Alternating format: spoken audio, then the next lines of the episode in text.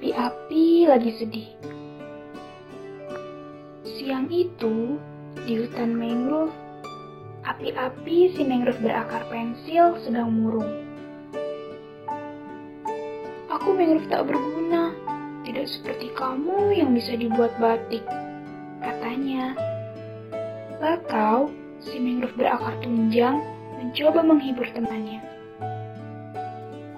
Jangan sedih, api-api. Kudengar, buahmu bisa diolah jadi makanan loh, kata bakau. Hari berlalu.